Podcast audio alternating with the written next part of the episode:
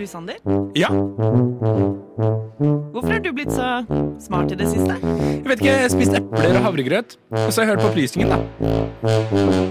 På Radio Nova.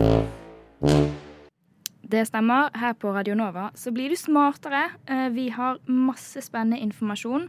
Eh, Vi har hver uke fredag eh, 10 til 11 så har vi livesendinger. Og neste uke så skal vi ha en superspennende sak som du skal få en liten teaser på.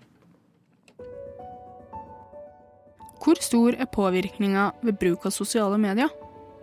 Og kan dette endre synet som velgerne har danna seg av politikerne?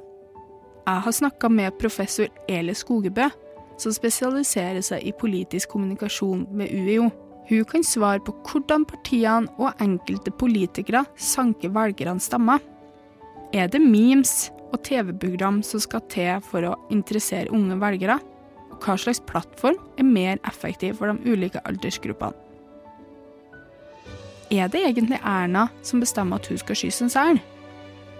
Og er det Bollestads eget initiativ å være deltaker i TV-programmet Sofa? Hva slags syn er det egentlig folk får av det her?